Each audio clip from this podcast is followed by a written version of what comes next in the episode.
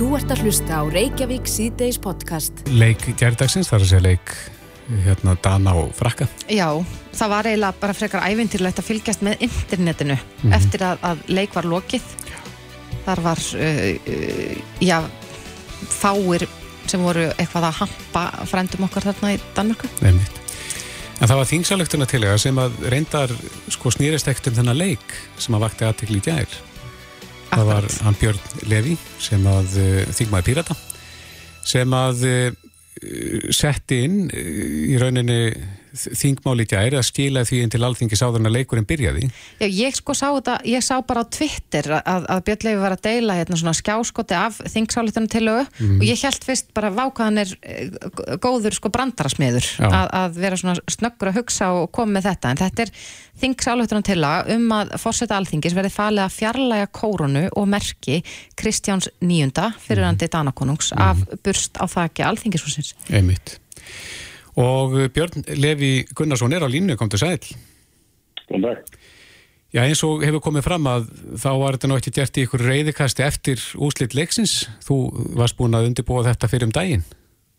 Já, mun fyrir en það mér að segja. Já, Ég, ég samt þess að þingsalundar þriðlugu november síðastlegin. En var búin að hugsa um hana mun lengur en það. já, Og ég var að fekk einhvern veginn þá tilfinningu í, gerðdag að, að hérna, það verður svona komin tími til að leggja hana fram. já. En kanntu sögun, af hverju er korona þarna ofan á þingúsinu?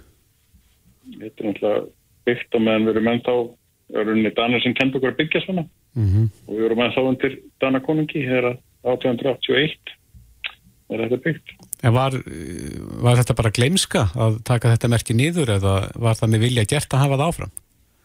Ég sagði nú það, hérna, það var verið ansinn mikið um konungsmenn hérna á þingi í gegnum, gegnum árin, við veit ekki hvernig það er núna, ég held að það sé getur á samarkir.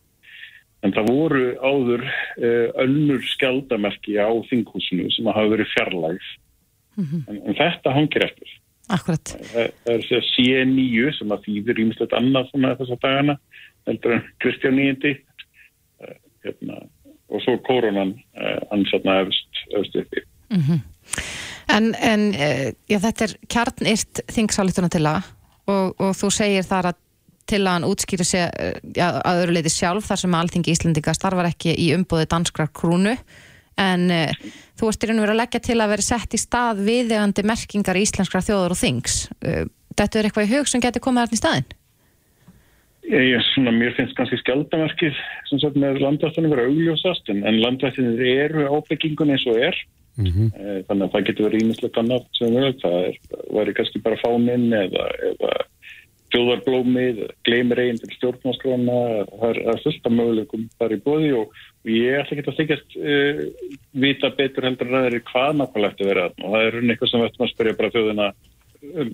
-hmm. En hvernig heldur það að þjóðin líti á þetta mál? Heldur að, að það sem eirluti fyrir því svona meðal þjóðarinnar að, að losa okkur við þetta? Þetta er nú eh, flott koruna þarna, þetta setur mikinn svip á, á húsið.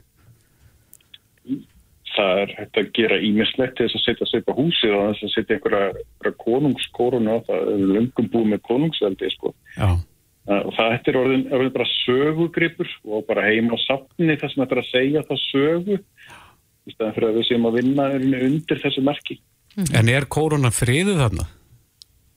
já, Er húsið friðað í heilsinni? húsið er húsið er friðað, það er hægt að gera ymsabreitingar og hafa verið gerðar ymsabreitingar og eins og ég segi þá hafa áður verið skjaldamerki uh, á þessu húsi sem hafa verið fjarlægð. Þannig að En já, þetta er nú kannski bara mjög heppilegur tímapunktur til þess að vera að leggja fram þessa þingsálitunum til og mann hefur nú líka séð alþingismenn vera að, að já, tjá sig og segja takk fyrir ekkert danir og, og fleira í þeimdur heldur að, að, að þetta muni falla vel í kramið hjá alþingismennum þetta fekk allavega svona jákvæður detektir áður en leikurinn fór fram í gerðbæri segja. Þannig að þannig að ég held að það var kannski bætt við svona smá áminningu af hverju við erum eigum að vera sjálfstæð þau bara sem að við eigum að sjá um okkar einn mál Mm Hefur þið fengið viðbrögð við þessu? já já, er heilin elling eins og, það nefnir á netinu en, en líka hérna innan hans Já, af hvaða tægi? bara tiltalega jákvæð sem að Já, þannig sem er, sem er mitt vísa bara í hérna svona hefðinar og, og söguna og, og kannski finnst þetta að vera einhver leiti til að svona stittur niðurismenningin sem hann er cancel culture eða eitthvað þýnli. Mm -hmm. Ég er alls ekki saman á því, ég, ég segi, þetta er, við erum, við erum ekki lengur konungsvöld, við erum ekki lengur undir konungi og uh, sagan sem slík uh, á tímalust rétt á sér. En núna er hún einhvern veginn í gildi. Mm -hmm. En hverju gæti nú helst verið á móti því að fjarlæga korununa? Ég veit ekki kannski þeir sem að leggja þá meiri áherslu á að breytingin einu þetta hefur einu sem verið sluðis og þetta alltaf verið sluðis en við veitum alltaf að það virkar aldrei, aldrei endalust Heldur að þetta skiptist eftir pólitík? Já, já, ég, ég mun að býstu því að íhjaldseiminn sé, sé frekar hlind því að, að halda í svona mm -hmm. heldur en annað þannig að held svo pólitík kannski En uh, Björn Levi, þú lagðir þetta fram í dag, ekki satt? Jú. Og það er þá í... í... Ég held þetta sé búið að byrta, ég bara, ég bara var alltaf búin að ná að taka hausinu på símanum Nei. og alltaf að grestur og svolítið, þannig að ég ekki náða að fylgjast með hvort að skjali því að það byrt. Jú, ég sé það hér inn á, inn á vef alþingis, en, en þú, þú sagt, felur forseta alþingis að fjarlæga þetta. Í hvað ferli fara svona mál? Það var bara raunin fórsetisnefnd sem að, eða fórseti og það er fórsetisnefnd sem að tæki þá við þessu og, og uh, fórseti ræður því í rauninni hvernig, hvernig ferðið það á að vera.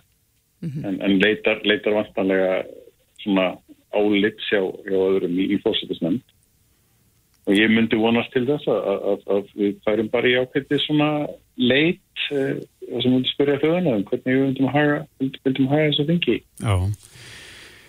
Uh, og til að nefna það að hérna, ég, ég samdi loksins þess að þingsalöktum eftir að kokkur myndum í al, al, al, alþengi sko, myndin á þetta, finnst þess að voru ómögulegt að hafa svona kórónu á þakkinu, mm -hmm. það var þarna í nógum síðan og þá já, ég hef búin að bara pæli þessu lengi og það var til þess að ég, ég skrifaði þetta. Já, já.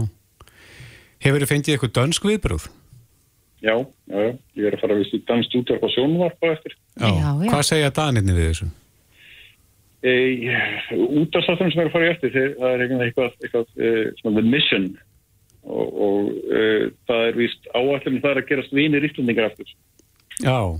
Þannig að það er, það er alveg áhugaverðu þau eru til dæla jákvæð upp á samtalið að gera. Mm -hmm. það er áhugavert e, að, að eiga þetta samtal því að ég held að, að þau eigi líka í, í svona áhugaverðu sambandi við, við uh, konungsveldið sitt. Mm -hmm. Við, við, við til dæmis, þessi til að skrifu þarna ofan í kostningaklúrinu og í, í sagt, dönsku stjórnarskroni okkar, eða okkar útgáða dönsku stjórnarskroni, að þá er gert ræð fyrir að maður þessi kjörbreiða nefnd uh, taki til starfa ef að, hitta þetta gert. Mm -hmm. Það er ekki alveg er þannig í, í dönsku, en, en svo er það líka með sagt, að skrifa undir lög, veita þeim gild eins og fórsetum gerir. Mm -hmm. Uh, að uh, við erum með þá fyrir það í þjóðaratbjörgræsli og fórseti neytar en ekki danir. Þannig að ef drottningi neytar að skrifundir þá veit að þeir ekkert hvað, hvað gerist. Já, ok. Og Þannig þeir kannski líta til okkar og, og fá leiðsögn. Kannski, kannski, snúið sér bara við. Já, ég, ég, við ég, hérna, ég er ekki að senda þessa korunum til þér og fengið handlutum staðin eitthvað? Já, við getum kannski gert eitthvað svona skiptidíl. Já, það þarf að býta En ég, ég, það var nú skemmtilegt að í gær voru við að, að nú ræða hellingum en að leik áður en að hann átti sér stað og, og ég var svona að reyna vona að þeir myndi nú svona bara svona af ykkur frænd sem leggja sig alla fram með að vinna leikinu og svo eru allskynns samsæðiskenningar í gangi um hvort þeir hafi gefið hann frá sér lokinu eða ekki. Þannig að þú kannski já, já. talar fyrir okkar hönd þarna í dönsku útvarpi og sjónvarpa eftir. Ég einn, ég er einn í hérna uh, í horrækjuleikin ég vonu að lofa því að við, við töfum alltaf í horræleik en, en þú veist að það er ekki þér að kenna það núna? Nei, nei, alveg, alveg bók, bókamál. En Björn Levi Gunnarsson, þingmaður við hefur verið frólægt að sjá hvaða meðferð þetta mál fær og hvort að kórunan hverfi, en kæra þakki fyrir spjallið. Takk sem við Og við erum að spyrjum það núna inni á vísi.is og bilgja.is hvort að þjóðin vilji að kórunan fari mm -hmm. eða veri, þannig að endilega farið inn á vísi og, og bilgja.is og tækið þátt Þú ert að hlusta á Reykjavík C-Days podcast. Já, já, nú ætlum við að snú okkur aðeins að boltanum. Mm -hmm. Þetta er, sko, þessi leikur í gær, Dana og Frakka, já. hann hefur aðeins undu upp á sig hér, má segja. Pínu ofstæki í gangi. Einmitt. Já, það voru, sko, Íslendingu voru orðinir upp veðraðir þegar það bara blasti við að við varum að leiðinu undan og slitt. Mm -hmm. en svo á einhvern ótrúlegan hátt að þá náðu Danir að, að missa þetta úr höndunum Já, og mér fannst það gaman í gær sko, eftir leikin að fylgjast með Íslandingum djóka á Twitter um að, að Danir ætti nú að skila handritunum og eitthvað svona mm, eitthvað léttgrín, en síðan berast fréttir af því að leikmenn og þjálfara Dana hafa fengið söpuleg skilabóð frá svektum Íslandingum Já. einhver hafa fengið sko líflátshótanir. Þetta er ekki hægt. Það, við skulum kannski aðeins ró okkur. Einmitt rögum mörkin þarna. En á línunni er Henry Birgir, okkamaður í Ungverðarlandi, sæl Jú, góðan daginn. Já, þú vantilega eins og aðrir, fylgist með uh, þessum leiki gær? Já, sjálfsögur gerði maður það uh, og þetta var auðvitað rosalegur leikur. Þeir, uh, hvað ég var að segja, svona innan gæðsalanda dróð okkur aðsnærunum að þeir ætlu að bjarga okkur danirnir eða þessar síðustu tíu mínútur voru þetta bara reynasta hörmung hjá þeim og eðlilega var svekkilsi gríðalega mikið, alveg rosalega mikið en uh, þeir má nú vera samt sko. Mm -hmm. Já, það fóru náttúrulega stað alls konar samsæðiskenningur um að þetta hefur bara verið ákveði fyrirfram að, að tapa þessu leik til að velja sér eh, anstæðingin og, og mörgum fannst svona eh, vera of mikil breyting á leikliðsins eins og þeir hefur bara hægt. Hvað segir um það? Já, já þetta mörguleiti voru teknar uh, sko vondar ákvarðanir hjá danska þjálfurunum á þessum uh, loka kabla, förðulegar ákvarðanir og annað sem að auðvitað, auðvitað rennir svona stóðum undir þær samsæriskenningar að þeir hafa ekki vilja vinna. Ég svona erfitt að kaupa það sko því að uh, með Sigri hefðu Danir uh, mætt svíum undan úrslutum ekki spánverjum og ég er svona fyrirfram að halda að þeir eru frekka vilja það en svo má auðvitað ekki gleyma því þessu öllu að hérna að fyrir tveimur árum á ég gerði við það sama við Dani. Það voru við komnir áfram og, og þeir þurfti að séri okkur að halda í lokaleg til að komast upp úr riðli en eh, við töpuðum þeim leik og Dan er svo sem ekki búin að gleyma því. Og þó svo að Nikola Jakobsen þjálfari Dana hafi eflust vilja að fá svíjana þá ég held svona einstinni hafa hann ekkert fundist neitt brjálaðislega leiðilegt að skemma fyrir íslendíkunum í leiðinu sko. Nei En má ekki líka líta á þetta þannig að frakkarnir bara settu sína vél í gang þarna undir lokleiksins, það var mikið í húfi fyrir þá?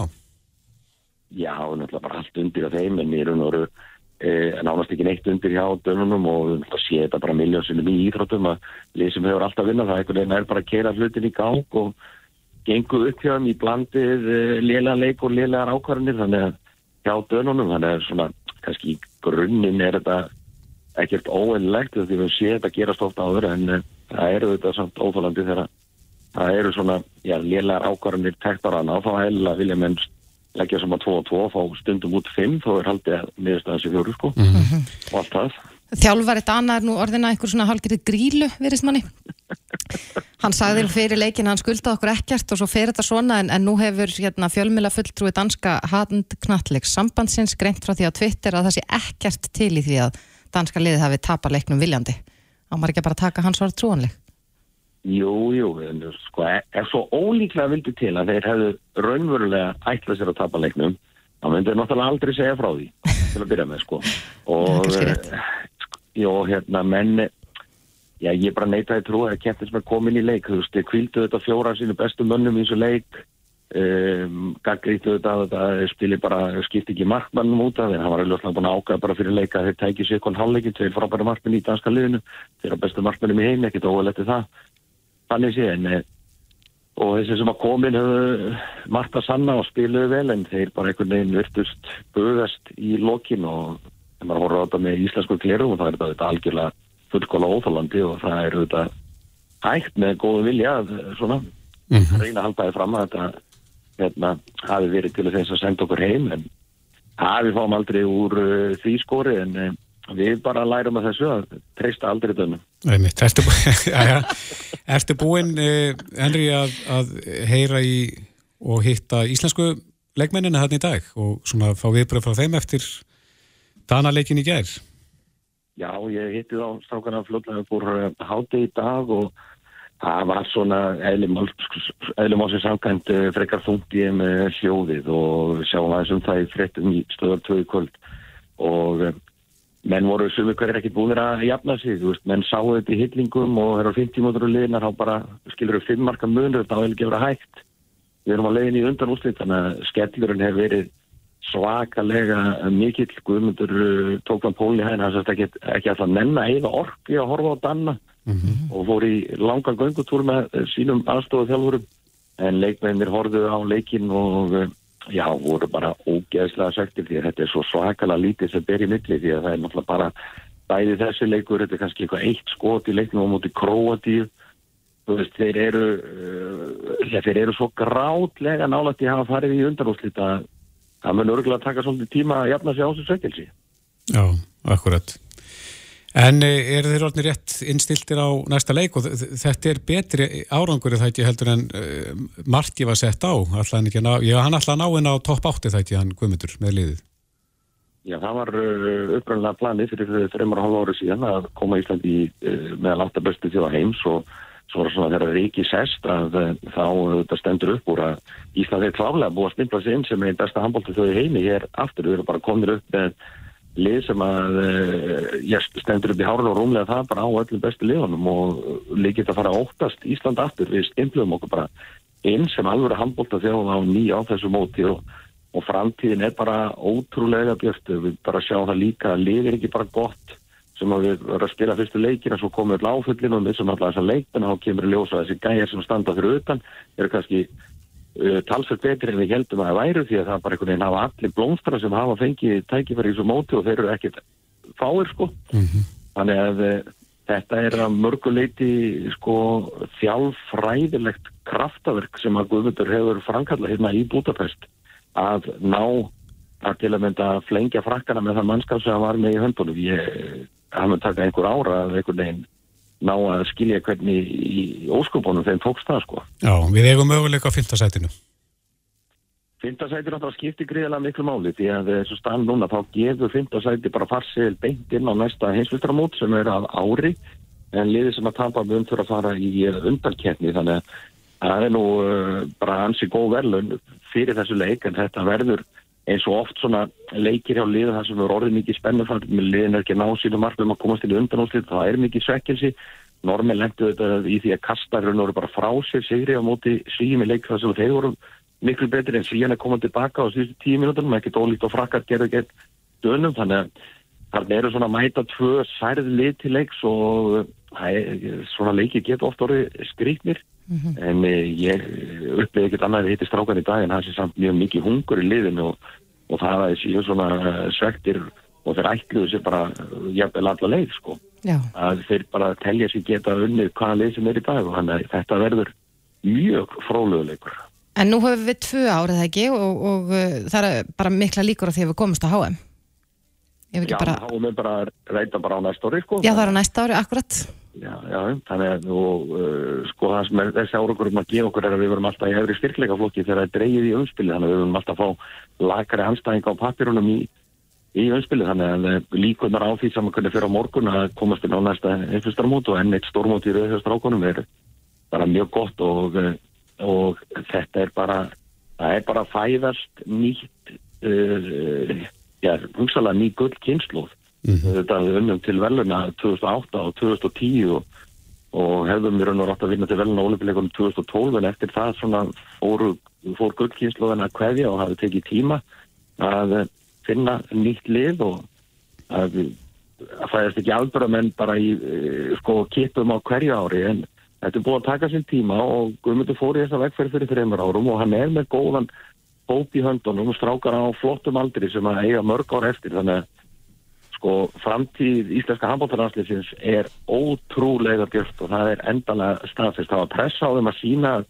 þeir væri að góðir og menn er að segja væru og þeir hafa staðið undir pressunni og það er bara, já, það verður bara ótrúlega gaman að fylgjast með þessu liði á næsta ára.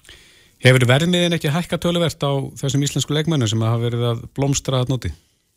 Alveg pottið sko að hækka á þeim og margir sem kannski hafa verið að spila ykkur minni liðum er að alveg 100% að fara að fá eh, tilbúð frá stærri félögum eftir þetta mót. Það eru ótrúlega mikið strákur sem hafa bara stíðið inn sem að eh, margir náttúrulega bara reyna vissu kannski ekki svona almennt hverjir eru og unnið hug hörtu þjóðarinnar og svo sannlega ekki farið fram hjá handbólta heiminu hverjir þessi strákar eru og pottið margir að gefa þeim auða og það er bara, þetta opnar alls konar deg fyrir þá og því betri lið sem að okkar menn komast í, því betri verða þannig að þetta bara skila sér á bara út um allt sko. Já, þetta er spennandi. Henry Birgir Gunnarsson, við sendum bestu hvaði út og, og bara byrjum að helsa strákurum okkar. Takk fyrir. Þetta er Reykjavík C-Days podcast. Já, já, við höldum áfram hér í Reykjavík C-Days og ætla, ætlum nú að snú okkur að kynfræslu. Mm -hmm. En uh, kynjafræði kennarar tveir, annars vegar Hanna Björg Viljámsdóttir og svo Marja Hjalmtísdóttir.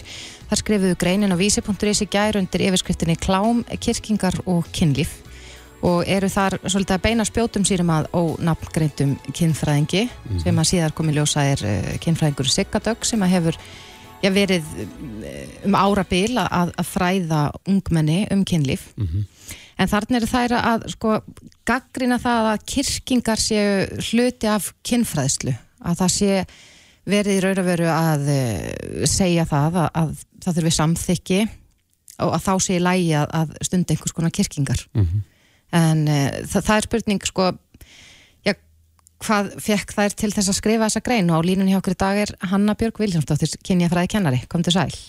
Sæl og blessur Já, það er ansi mikið búið að ræða þessa grein ykkar í dag og verulega skiptar skoðanir á þessum málefnum. Eh, Hva, hver var svona kvatina því að þið settu penna á blað? Já, það er í rauninni, þetta er ekkert sko nýtt af nálinni. Við höfum, uh, kynifræði að kenna, nú ætlum ég ekki að tala um alla, heldur allavega uh, nokkur sem höfum rætt sko og höfum skýra sín og, og hérna ákveðna hugmyndur um hvernig okkur finnst um, að kynfræðsla þurfi að vera.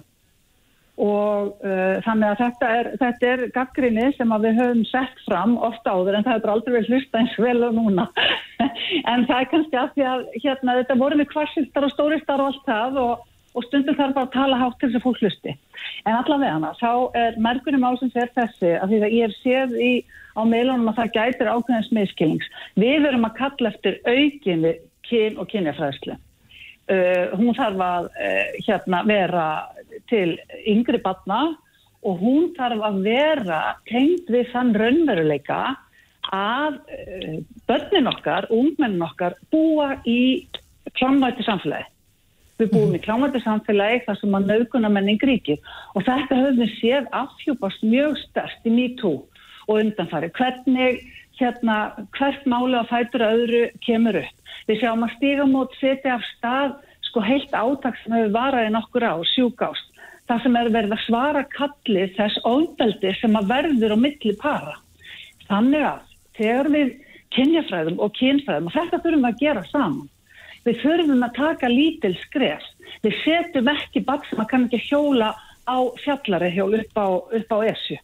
Við þurfum að fara á því hjóli fyrst og við þurfum að, það þarf að gera hlutina uh, eh, stegarstíi, við þurfum að valdabla krakkana til þess að skinja sína eigin kynverun. En ef að þessi mál er að koma upp í fyrirspjörnaformi til kynfræðingsins, ef að þetta er það sem að einhver já, hluti ég, af þessum hópi er að spá í? Já, ég spyr mig, sko, ég nú ætla ekki að segja hvernig fólk er að gera þetta, ég er bara að segja þetta, ég set spurningamarki við hvort þetta eigi erindi inn í skólakerfið. Í fyrsta lagi finnst mér náttúrulega að kenna því að sjá um svona fræðslu og því þeir eru þetta fræðslæðingar í, í miðlun og kennslu. Mm -hmm. En að því að það eru talað um sko skadamingandi hérna aðgerðir eða sagt, skadamingandi já, nálgun að þá óttast ég og nú þurfum við líka að spyrja okkur hver á njóta vafans.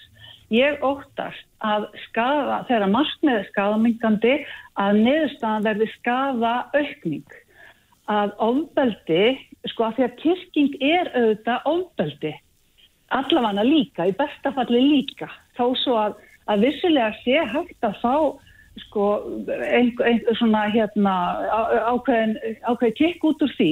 Og ég skiptum þetta ekki það hvað fólk er að gera heimi og sem fullar er fólk, ég er að tala um börn og ungmenni. Mm -hmm. og það... að gangast inn með svona ofbeldi sem að er hægt að því að kyrkingar eins og ég segi er í aðlýsinu ofbeldi að normalísera það með því að kenna það örganhátt, þá erum við í rauninni að, að ganga inn í naukunamenninguna og sko samþykki er svo flókið í, í ójöfnum valdatengslum og í mikilli gagkinniða römbu sem að ríkir að þá er þetta ofsalega flókið og, og nefnendur og börn og ungmenni þau þurfa að skilja um hverju svitt, þau þurfa að greina það, þau þurfa að fá tæki og tól og áhöld til þess að skilja hlutina til að skilja sjálfan sig og svo fara þau þetta að finna út.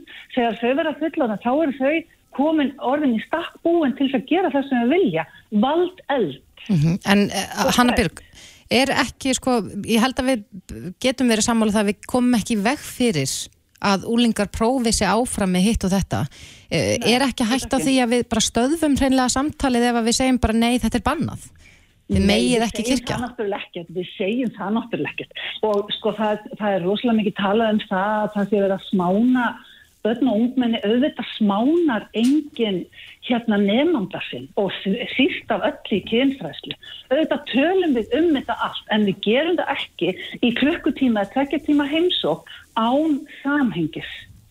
Án þess að hluturni séu að það sé búið að dekka borðið. Er það gert í dag? Hvað segir þið? Já, ég óttast það og ég, já, ég minna við höfum þetta ákveðna hugmyndur um það að hugmyndafræði, kynfræðinga er oft, oft og nú segir segi þetta með virðingu fyrir hóknum en mín hugmyndafræði er bara gjör ólík. Ég trúi ekki á kynfræðslu án samhengis, án þess raunveruleika fyrir menningar sem börnin okkur og ungmennin lifa og hrærast í. Mm -hmm. Snýst þessi deila að mestu leitu um þá bara reynilega áhrif uh, þessar nöðguna menningar á samfélagið? Já. Að, að, að sumir viðurkenna þau áhrif og aðrir ekki, eða hvað? Já, ég held það og hérna, og hún snýst, þetta, þetta er hugmyndafræði, þetta er nálgun, uh, kerfisbundi nálgun sem að, hérna, eru bara, það eru bara ólík sjónamið sem að ríkja og hérna, sko, ég, ég, það er þetta rosalega erfitt að tala um kynfrelsi. Auðvitað vil ég að allir fá að gera það sem þeir vilja. En málið er það, ég, það, það er útlokað að tala um kynfrelsi þar sem að klámvæðing og nöðgunumenning ríkir. Hver, sko, hvar er frelsið í því? Skiljum við þegar þegar hérna börnun og ungmennin að þau eru algjörlega gegn sósa af þessari menningu, hvernig geta þau einhvern veginn verið frjáls? Ef að þau fá ekki áhald til þess að greina og skilja og tengjast og fræðast mm -hmm. á margíslegan hátt úr frá margíslegum sjónarhófnum en ekki þjálfun í kirkingum á fyr, stundum fyrirlöstri. En, en sko smánun hefur aldrei verið, við þurfum að auka fræðslu og við þurfum að vandana, við þurfum að gera hana fallega, við þurfum að gera hana öruga og við þurfum að gera hana faglega. Mm -hmm. Ég held að það sé nú svona sammert með sko flestum þeim sem hafa tjáð sig um þessi málefni að það er mikil þörf á aukinni kynfræðslu í skólum landsins og eins og þú talar um frá, frá sko að, að byrja fyrr reynlega að fræða börnum þessi málefni en, en er það þó ekki þannig hanna að ja, klám, það við erum ekkert á leiðin að fara að, að kasta því út um glöggana, að þetta er nokkur veginn komið til að vera? En Já, já, ég, ég, sko, ég, hérna, þetta væri rosa fínt að geta klipt á línuna, en það er þetta ekki hægt, en við þurfum að valdafla nefnendur, við þurfum að, að, að útbúa þau þannig að þau skilji og skinji og, og hérna, e, átti sig á áhrifum umhverju sinns. Og svo getum við, skiljum, við þurfum að taka hlutina bara skref fyrir skref og við þurfum að valda eða við þurfum að auka skilning þeirra og þá geta þau fara að taka sína sjálfstæða ákvarðanir og hvaða, skilur, hvern, hvernig svo sem blæti kynlíf, það skiptir engum máli ef að þau eru uh, undir það búin í skólakerfinu að taka sjálfstæðar ákvarðanir byggða á eigin kynverund. Já, Hanna Björg Viljámsdóttir, eh, kynjafræði kennari. Kæra þakki fyrir þetta. Takk sem leðis. Bless. Bless, bless. Svo við ætlum að halda umræðina þess áfram. Mm -hmm. Eh, Sigardögg, kynfræðingur sem að uh, þetta mál snýst nú að mestu litum Já, eða svona uh, spjótin beinast að henni og hennar orðræðu í, í sinni kynfræðslu. Já, hún er á línni, kom til sæl. Hæ. Já, hvað segir þú um, um þetta? Þú hlustaður á hennu, ég ráðan Já, já. Er eitthvað rátt sem að kemur fram í hennar máli? Nei, ég menna við unnum saman að skýrslu fyrir menta og menningamálraðanetti í fyrra og vorum bara mjög samala og við erum bara mjög samala um mjög mat þannig ég veit ekki alveg okkur ég er alltaf í einhver skotspotn og vændum það að vera að drepa einhver ungmenni sko, eða svona eins og vanni yfirlega þessar að greinar. En, um, og ég ætti að skamast mér frænlega en uh, við erum sammála sko þannig ég, ég skildi ekki alveg. Mm -hmm. og en ég þessi... kannu ekki kirkingar sko, ég geri það ekki og það hefði bara gaman, hefði hanna kannski bara líka setið eitt fyrirlestur hjá mér að því ég er búin aðeins í 12 ár. Þannig að það hefði líka verið skemmtilegt að ég hef aldrei kent kirkingar, ég kenni samþyggi og mörg og ég hef tekið eins og var frekt fyrir tveimur árum og kom í öllum fjölmjölum þar sem ég var gjörsamlega hampað fyrir það að þóra stíga inn í þetta mát þar sem ég útskýði nákvæmlega hvað þetta felur í sér og ég er ekki að finna upp hvað á fjallum í kynfræslu upp úr mínum eigin litla kolli. Ég er hlut af stóra alþjóðlega samfélagi, ég fyrir á heimsválstefnur í kynfræslu, ég sækir mér þekkingar okkur einasta ári hjá okkar færasta fáfólki og er alltaf að reyna vera með puttan á púlsunum. Þannig að þú veist, ég, ég veit ekki að akkur skotspotnin beinist að mér sko, sérstaklega. En e, þegar þetta talið berst að kirkingum í, í þinni fræðslu í skólunum þegar þú ert að ræða við börnin, hvað, hvað kemur þar fram? Já, þetta er náttúrulega ekki glæra fjögur. Við erum ekkert bara eitthvað hér í píka, hér í tippin og kirkjumið, gaman. Nei. Þetta er ekki svoleið, sko, en það er alveg á kristaldæru. En þegar það hefa komið upp spurningar, það hefa komið upp spurningar um, en þess að þegar verið svona halda um halsin og það er verið að kirkja, af hverju er fólk að gera það? Er það næs? Ámar að vera að gera það? Hver á að gera það við hvern? Og þá auðvitað fer ég onni sauman að ég sem ábyrgur fræðar get ekki sagt hefði ég ekki að tala um það, tölum það setna út að það eru valdastruktúrar í samfélaginu sem þið ekki skiljið og það eru allir sammálum að það þurfi meiri kynfræslu. Það er engin vafi á því, ég er búin að sitja í fjórum nefndum frá fjórum ólíkum ráðunitum yfir árið, yfir árin segja sem komast öll að sumu niðurstu. Það er sama hvaða ráðunit er, það er bara að það þarf að auka kynfræsluna. Þetta er vitað. Og ég er aldrei að þykjast vera öll kynfræslan og að leysa öll mál fyrir alla um allt. Ég fæ klökkutíma, ég reyna að mæta þessum elsku fallegu börnum og unlingum eins vel og ég mögulega og faglega get og enda alla fræðslu að segja við þau, þið eru aldrei einn.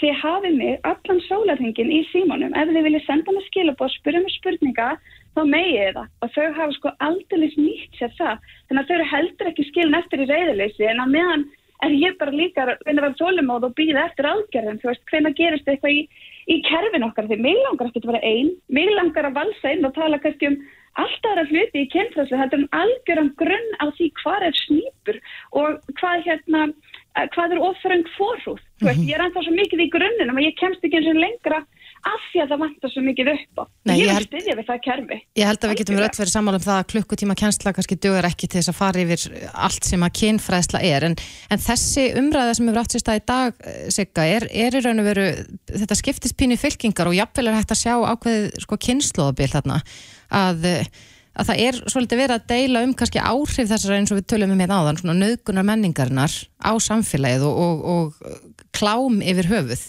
Er það þín upplifun að, að börn eru, börn og ungmenni er að koma inn í þína kynfræðslu með ákveðnar hugmyndur um hvernig kynlíf ætti að vera út frá því sem þau hafa séð í klámi? Um, já og nei, mér finnst þetta oft sko suma spurningar sem það hafa, þau eru eldri en þessi internetvæðing klámsins, uh, sumt af þessu eru spurningar sem ég hafði og ég var til, ég var úlingur fyrir internetið og þessu eru spurningar sem ég hef séð í eldri kynfræslubókum um, og klámið er náttúrulega bara endurspeglun á endurunum lítum, skilur það þessu klámið er.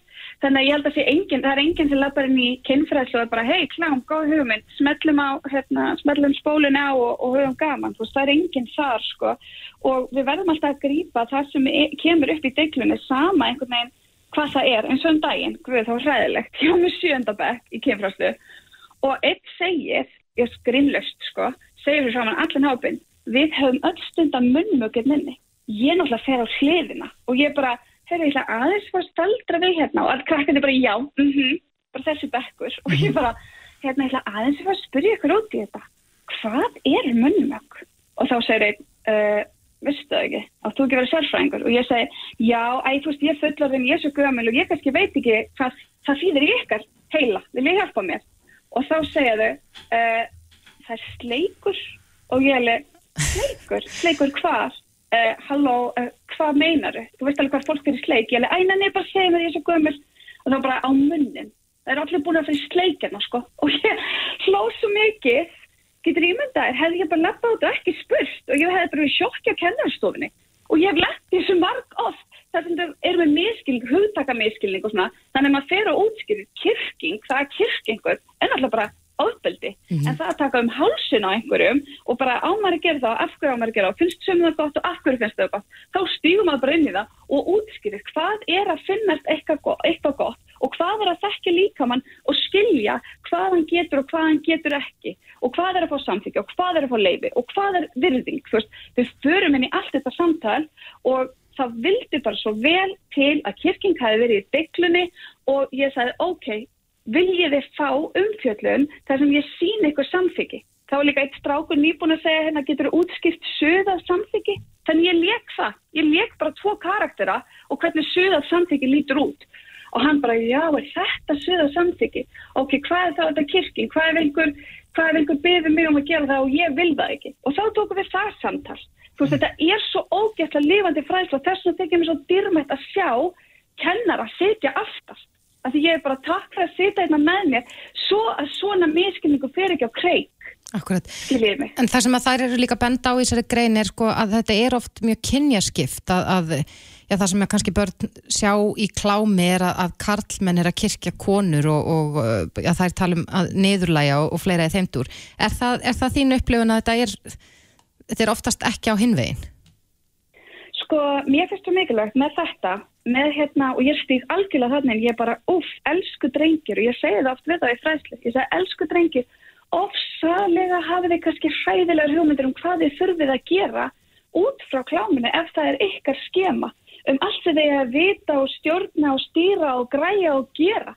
Það er hræðilega mikið á okkur sett. Og ég hef setið með drengjum oftar en einu sinni, oftar en tvísvar og oftar en þrísvar þar sem þeir hafa verið svo skelgungu losnir og hrættir við kynlíf út af því að þeir halda þeir ekki að vita græði að gera. Og hvað ef hún nýtur sín ekki? Þá er það mér að kenna. Og ég á að vita hvernig allt er og hvernig allt virkar. Og, og ég á að stýra öllu og ég á líka að fá samtíkið og, og þeir eru bara lost í þessu mm -hmm. þannig að það er svo fallegt að geta með stíð þannig og segja bara hei, stráka það eru bara ekkert þessar kröfur á ykkur, þetta er ekki skemað okkar. Hérna eru við bara tveir einstaklingar, burt frá allum kynja hugmyndunum okkar og okkur langar bara að eiga notalega stund og viljum mætast sem fólk, ekki sem kynið okkar og allt sem fælst í því, heldur bara ég er einstaklingur og hvað vil ég bræðaröðu minn og hvað vil ég kynlífinu mínu og hvað þættir finnast með skemmtilegir og við förum inn í þetta þannig að ég þarf líka Ég finn til ótrúlega mikið af ábyrðar gagvar drengjum og vald efla þá og umræði á svona kær, kærleika í samtalenu sem við höfum verið að eiga undanfarið af því að þeir eru líka rosalega fættir.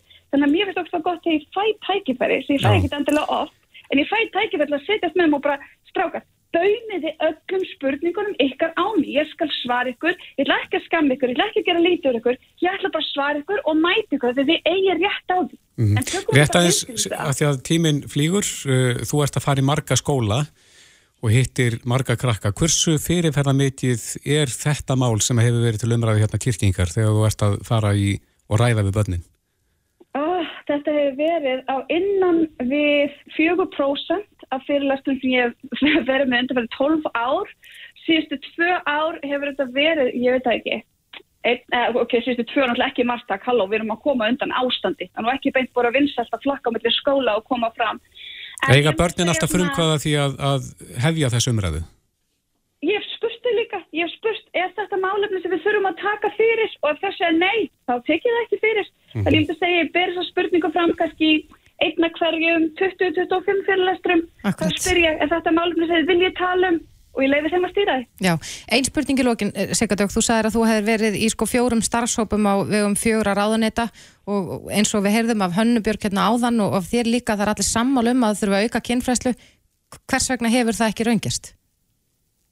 Um, að þetta þykir flókið verkefni að, og við komumst bara að því fyrra þegar vorum að gera það fyrir menta og mælingamálraðaneyti það er flókið hver á að gera hvað fyrir hvern og hvenar og svo fjármann.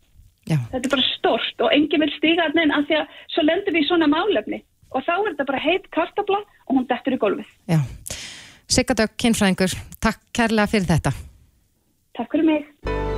Þetta er Reykjavík C-Days podcast. Við rákumst á stjæmtilegan þráð á Twitter mm -hmm. þar sem að svo sem að setur inn eh, þráðinn, hún Þóra Sif Hún spyr uh, sína fylgjendur hvaða ráð myndur þú gefa einhverjum sem er að fara að kaupa sína fyrstu fastegn og þarna er bara fullt af svona skemmtilegum ráðum. Akkurat, og þetta er, þetta, er, þetta er líklega bara stærstu kaup líksmanns Já, já. að kaupa fastegn í fyrsta sinn það er búin að sapna sér og taka heiminhá lán eflust flestir fyrir þessum kaupum Já. þannig að það skiptir máli að, að svona Að vanda sig. vanda sig og huga að hinnum ýmsu efnum Já.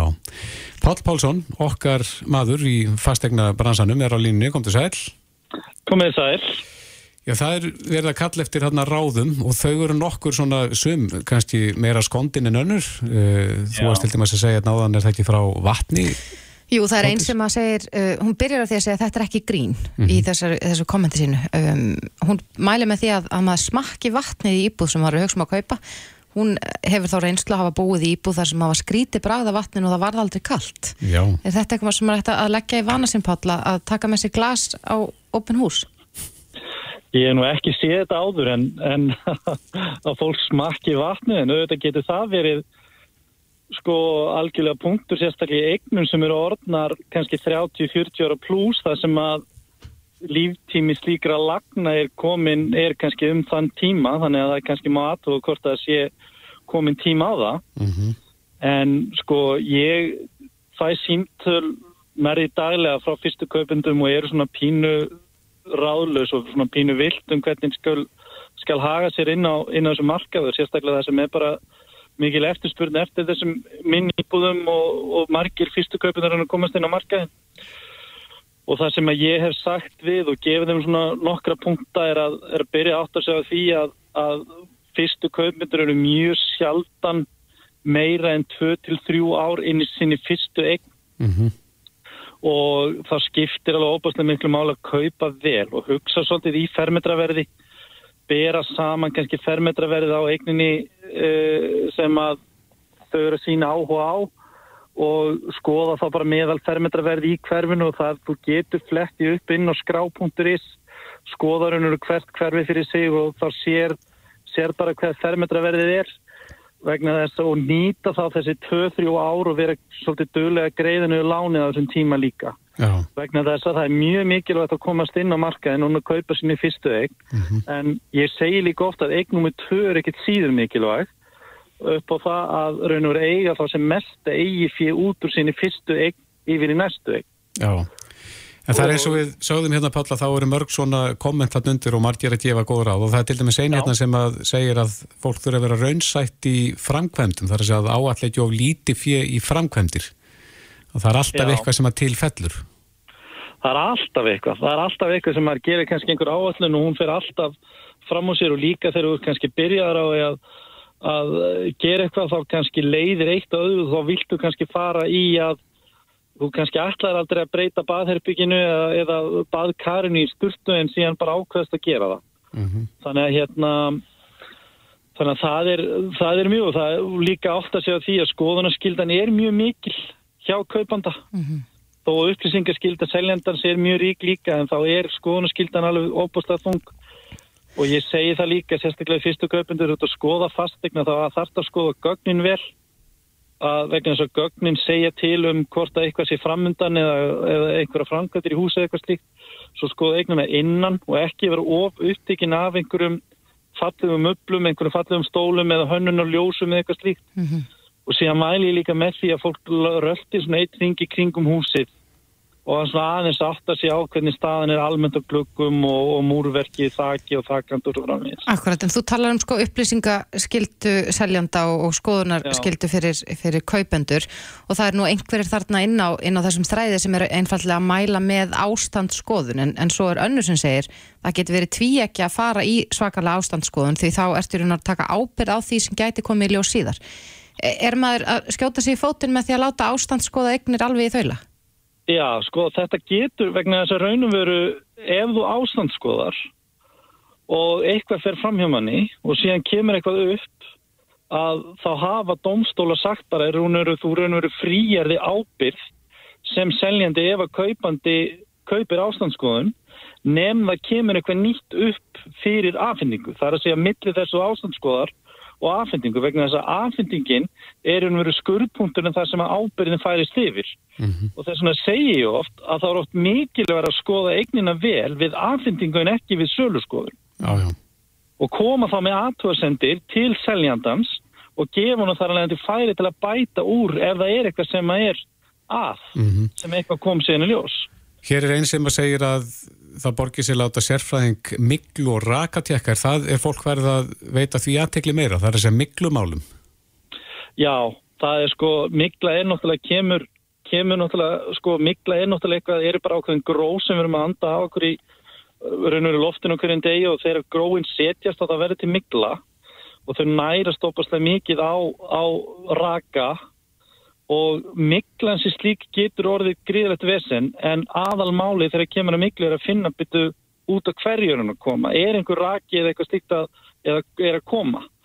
Og þetta er sérstaklega á svona eignum sem eru Uh, já, raun og veru öllum aldrei þá er rosalega mikilvægt að spyrja um hvort að fólk þekkir eitthvað til þess eða veitir þess að hvort að sé einhver sagðum rak eða miklu og ef svo er að þá er sjálfsögðu ekkert að því að láta kanna það sérstaklega og það er líka til sko, þú getur leikt svona rakamæla hjá bíkó og húsasmiðun og fleiri stöðum og láti bara og það reynilega bara sjálfur sko. Akkurat.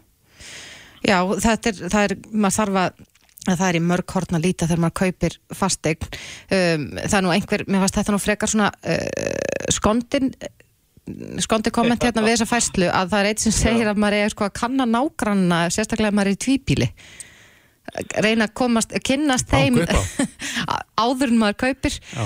það er eitt sem Já. segir frá því að það hafi verið algjör djöfull á næri hæðinni Ó, já, veit það. Ég- Sko, það kom náttúrulega fyrsta skipti máli fyrra það sem að raunum veru var nágrannirju sem var ekki tilkynnt til kaupanda. Það var metið sem galli mm og tvíbili er náttúrulega erfiðasta búsituform ef það gengur illa. Og hérna að sjálfsögumæli sérstaklega í tvíbili og við fáum fasteignasalar þessa spurningu bara hvernig nágrann er og hvernig morðinni í húsinu og svo framvegis. Þannig að hérna Fylgir það oft sögunni? hún ætti að fylgja frá seljanda, þetta er hluta upplýsingaskildu seljanda, það ætti að fylgja ef að, að ágrinningur hefur orðið til og þá ætti að segja frá því og hérna en það líka uh, er líka í sérstaklega fjölegnahúsum að það náttúrulega er mjög sniðust að fá afrit af síðustu fundagerð húsfundar. Ekki bara það að sjá hvort sé ágrinningur heldur líka sjá bara hvað umræður er í gangi um að fara að gera sem er kannski ekki endilega búið að samþykja. Það er kannski að fara að mála eða sitja eins og mjög algeng umræði í húsfélagum í dag er að sitja upp ramagstöður og lóð en það er kannski ekki samþykt þetta skipti en það er ágætt að vita að þessu umræði fann á stað. Akkur þannig að kalla eftir því uh, ofan á, þetta þarf maður alltaf að fá yfirlýsingu frá húsfélagi áður en maður kaupir eign en, en að fá þetta aukarlega, fundagerðina til þess að geta, já, svona kíkt aðeins á baku tjöldin. Já, það er sko húsfélagsífélagsingin er lögbundin en svo er mjög algengt aðalfundir húsfélagur og haldin þetta í aprilmánuði og sérstaklega í kringum þann tíma að fá þá upp fá afrit af fundagerði er mjög gott og það er hluti af, af skoðanaskildin er að skoða það vel. Já. Og ég er sjálfur farin bara persónulega farin að sitja þetta inn í öll göggjum mér ef að fundagerði til staðar. Mm Þannig að veit fólk alltaf þegar það er að kaupa réttu eignina, það er að segja, þetta- það er þessi tilfinning. maður fær alltaf á tilfinningu, ég meins ég var að standa í þessu sjálfur að selja og kaupa og maður fekk alltaf svona, það kemur alltaf evi, þú veist, var ég að borga mikið, var ég að selja lítið, var ég að kaupa réttu eignina, af því að, en maður líka verður að fatta það að maður fær aldrei alveg allt. Maður stundum fær minna þóttorús út af starri herbyrgi og það er mjög sjaldan sem maður svona, maður fær allt, en ef maður situr með sér svona forgangsraða sko kannski topp 5 til topp 10 atriðunum og ef maður fær alveg 70% og það ámaður að svona láta það láta vaða, vegna þess að maður eru líka að upplifa það að fyrstu kaupendur eru ofta að ofugsa þarfi sínar.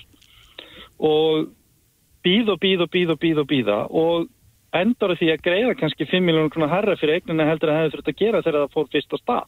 Já, einmitt. Það er líka dýrt að býða. Já. En ég held í takjundi það að fá að láta renna í ískalt vasklas og smakka. En Það er ekki sama vatni allstaðar. Nei, það er ekki sama vatni allstaðar og þetta náttúrulega stifti miklu máli.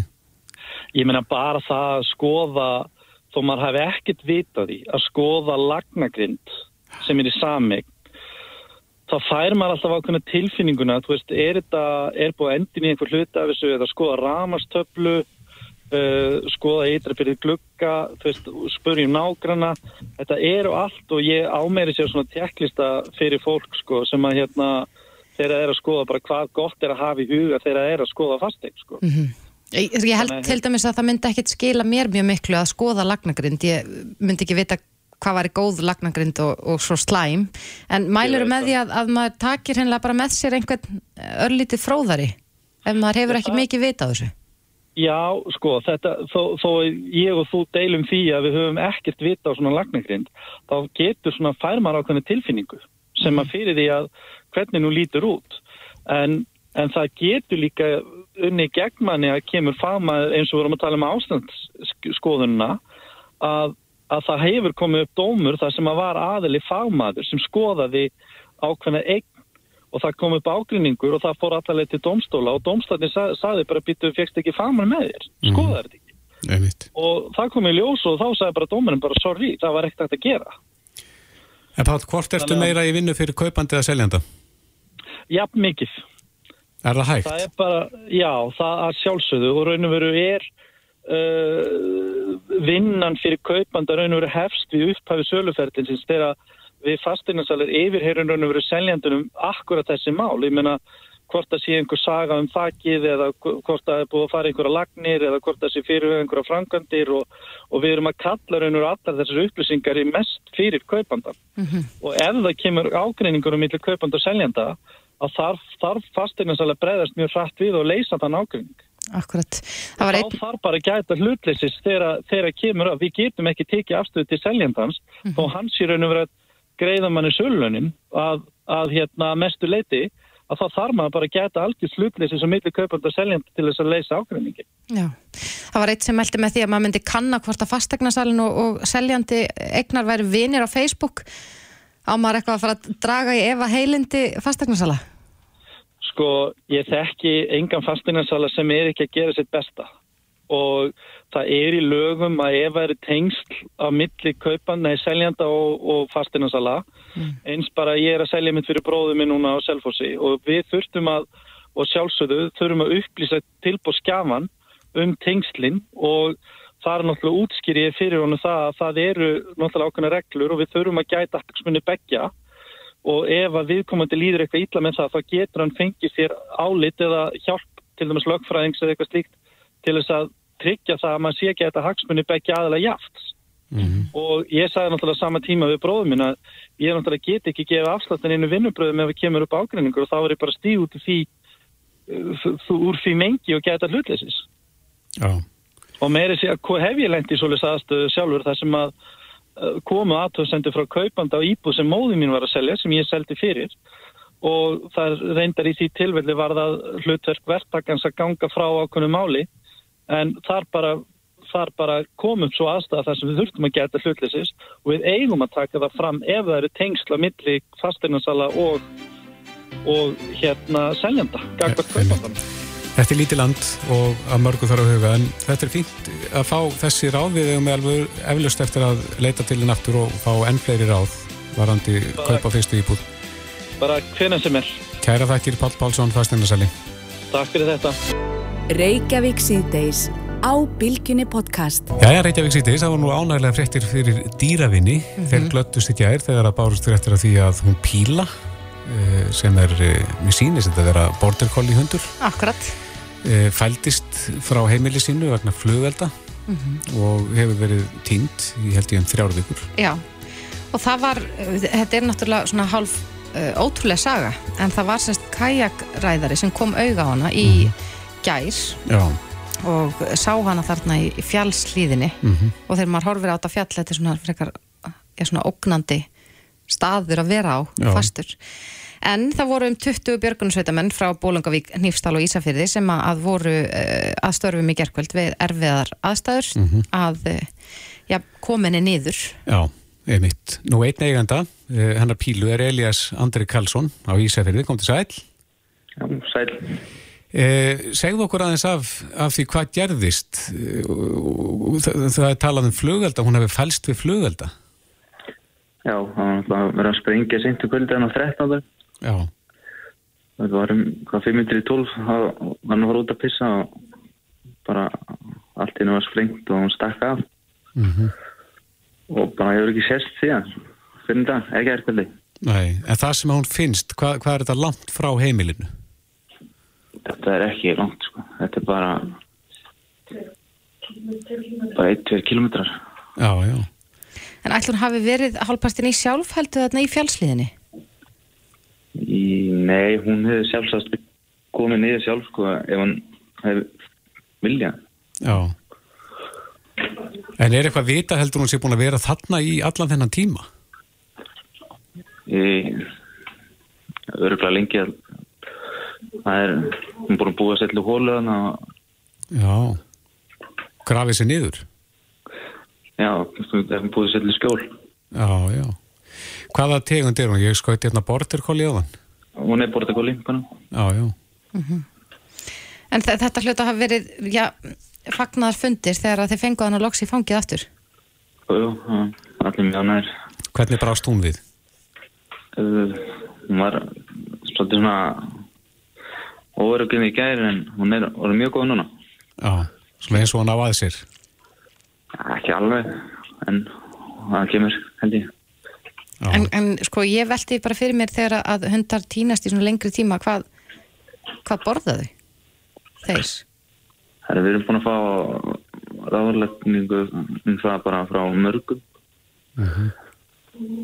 og við erum að gefa henni bara mjög rólega lítið svona sérstaklega þæði. já.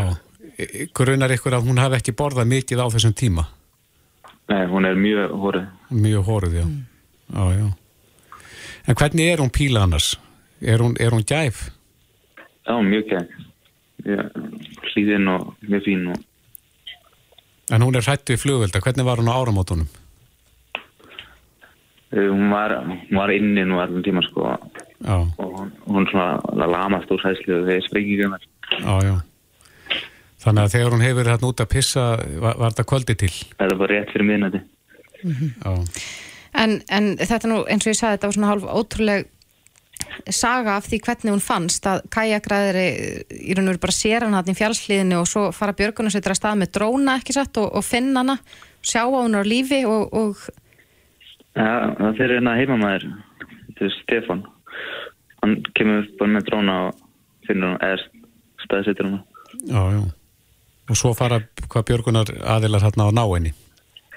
Já, ég byrja að fara sjálfur hérna, hérna, klifur það upp og, og fæði svo símringingu frá þeim og ég beðum um að koma allir baka Já.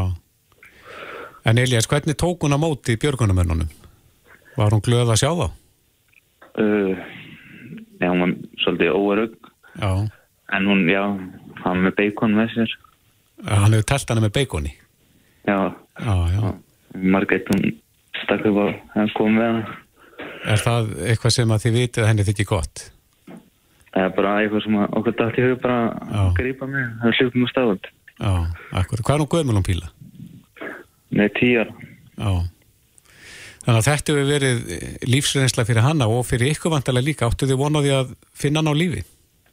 Ég, ég var eiginlega bara ekki það alveg hættir að trúa að hann var í, á lífi. Já. Hvernig var þið ykkur við þegar að þið fengur hringinguna? Uh, ég eiginlega bara svona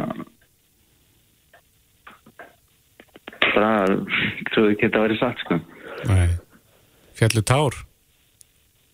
Já, já, henni Margréti nokkur. Já, akkurat. já, þetta er yndislega saga og mjög gott að vita af henni pílu uh, bara heilla húfi heima hjá sér. Já, Við sendum bara bestu kveður, þarna vestur eftir. já, takk fyrir það. Elias Andri Karlsson, takk fyrir þetta. Já, takk svo leis. Reykjavík síðdeis á bylginni. Og það er áhugavert að, að líta svona tilbaka við, sko, við höfum nú talað um það, ég og Kristófer, við, að, að við sáum ekki fyrir okkur, ég, ég átti pantað eitthvað auðalansferð í júli og ég hugsaði að þetta verið löngu búið þá. Já, já, ég átti utanlandsverð pantaða til Barcelona í mæ og ég held þetta er löngu búið þá. Já, en hér eru við, tveimur árum síðar, Já. þetta er enn í gangi. Enn í sömu spórum, en uh, reyðum aðeins upp uh, viðtal sem við tókum við Skarpiðinberg uh, Steinarsson ferðamálastjóra uh, fyrir sléttum tveimur árun síðan. En það er nú, þannig að það er nú ábókuna einsum ástæðum líka í ferðarþjónustu, þannig að það er engin ástæð til þess að ætla það ennþá að, að þetta verði eitthvað umtalsverð. Þetta er náttúrulega fyrst og heilbúið sigurvalda og sem er að huga því hvernig þetta hefur áhrif og, og heyri þannig undir heilbúið sigurvald en betur landlæðis. En, en ferðarþjónustan fylgist með þetta mun að slálega hafa einhver áhrif en, en ég held að verði sem er ólíklegt að verða þeirri stærðagráðu það við umtalskar áhrif á ferðarþjónustu í. Já, hann var mjög bjart síðan þarna þennan dag. Já, en því miður var þetta ekki raunin og Nei. við veitum þetta og síðan erum við að sjá fréttir af því að, að framkvæmtastjóri samtaka ferðarþjónustuna segir að já, ferðarþjónustuna í Íslandi verði ekki komin almennilega á skrið fyrir 2024. Já. En uh, það sem við vissum lítið um þessa veiru á þessum tíma, Skarpiðin Berg, kom til sæl. Já, sæl. Það var mikil bjart síniði þarna. Já, þetta eldist ekki vel þetta viðtal. Nei, akkurat. En svona þegar við lítum eh, tilbaka núna þegar við erum búin að vera tvö ár í þessum hremmingum.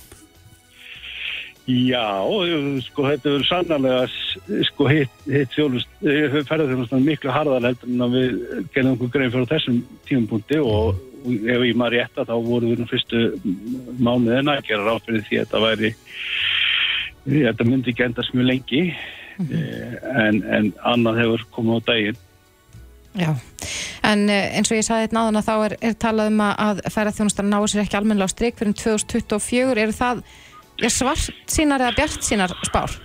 Ég ætla nú að vona að það séu svarsýnusbár. Eh, Það sem að e, sko núna, ég meina ef að það gengur eftir sem að menn er að spá núna þetta, þetta er svona líðundi lók með Omikron verunni mm afbreyðuna, þá, þá séum við að tala um einhverjar, einhverjar vikur í viðbútt, einhverjar örf á mánuði kannski, en að ferðarþjónustan hafi þátt að þess að koma vel á stað í sumar. Og, og þá er þetta næst, allra næstu mánuðir sem, að, sem verða erfiðir. En svo að það sem eftir kemur ætti þá að verða mik- miklu betra. Og, og það er svona almennt það sem að er eh, svona maður heyrir í ferðarþjónustunni að, að hérna að bókanir inn á sumarið séu fínar og, eh, og það liggur alveg fyrir að, að ferðavilji er umtalsverður Eh, þannig að má gera ráð fyrir því að verði nokkuð þéttur strömm frá uh, Evrópu, Evrópulöndunum og Ameríku en það getur orðið eitthvað aðeins lengur að býða eftir ferðamönnum frá Asjulöndunum. Mm Já, þá er, er vantilega búist því að takturinn verði þá svipaður svona í löndunum í kringum okkur og þeim löndum það, þaðan erum að fá ferðamennina.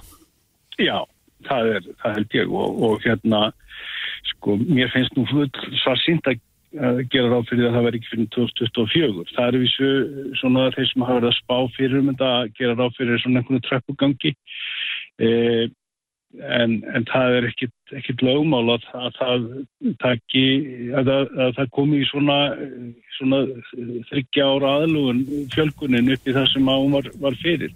Það getur alveg skerst á stittri tíma. Mm Hvaða tölur eru við að horfa fram á núna? Það er að segja, hvað býst þú við að, hver býst þú við að talan verði hérna í komum ferðamanna á þessu ári? sko í- við erum svona að gera ráð fyrir því að þetta sé svona kannski 1,3 ára, 1,4 ára eitthvað svona þess að þessu ári geti verið. Er, er það bjart sín tala eða? Nei, sko það er nú eh, Íslandsbanki var með spá í gæri upp á einhver 1150.000 við gerum ráð fyrir að verði eitthvað eitthva heldur meira.